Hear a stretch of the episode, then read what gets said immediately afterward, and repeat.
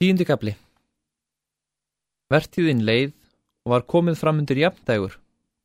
Veðráttan var farin að hlína en jafnframt orðin umhleypingasamari. Sunnanvindarnir voru orðnir tíðari og hraunin kringum Dritvík voru orðin svört því að snjór var þar hverki nema í lautum og dældum. Síðan um veturinn að auksnakeldu toppi kvarf hafði skipt nokkuð um framferði þeirra tótumanna. Eftir því sem óþokkin á þeim varð almennari, örðu þeir sjálfur mannblendnari og kátari og leituðu meira eftir samneiti við aðra menn. Það var ekki aðeins að þeir létust ekki sjá óvild manna, heldur var sem þeir storkuðu almenningsálitinu og segðu við alla, kærið okkur ef þið þórið og sannið upp á okkur glæp ef þið getið. Engum átti heita að þeir hraunbótarmenn yrðu fyrir áleitni af þeirra hálfu. Þeir letu ekkert tækifæri ónotað til að erða kunnuglega á þá og slá upp á glensi. Þeir umbáðuru það með dæmalösri stillingu þá týnir tækið þessu fálega eða jafnvel svöruðu illu. Hvað eftir annað dróttuðu þeir hraunbótarmenn því að þeim að þeir hefðu drepið Tóbjas.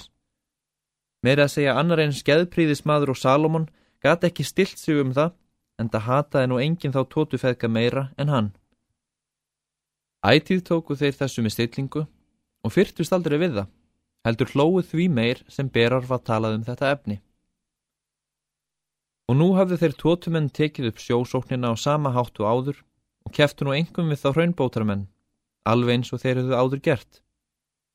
Bríndu þeir nú hraunbótarmenn fastar en nokkuð tíman áður að leggja sér fram til móts við á og gerðu að þeim hróp mikið ef þeir letið ekki brínast. Fjall hraunbótarmönnum þetta afar illa en þó engum Jóni sem tók sér nærri fríunar yfir þeirra. Eitt kvöldið var mjög dimt í lofti og skuggalegt. Skíin voru blásvört og mikill veður kvinur til fjallana.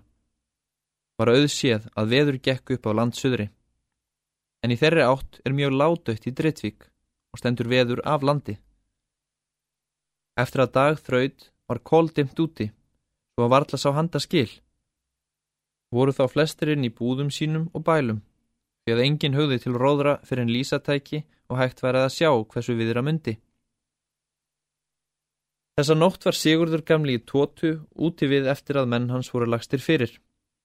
Ríkt var engin nýlunda, því að oft hafði hann að gaufa eitthvað úti við í náttmirkrinu þegar aðri sváfu, og ætið vakti hann sónu sína, þegar honum þótti tími til komin að róa. Var almælt í víkinni að hann hefði kattaraugu og sægi best í myrkri. Víst var um það að Sigurður var ekki nátt blindur. Einhver tíma nætturinnar kemur hann inn og ítir við Sigurði sinni sínum. Sigurður vaknar og spyr þegar hvernig veðrið sé. Hann er skolli landsindur og svartur í öllu austrunu, mælti Sigurður gamli.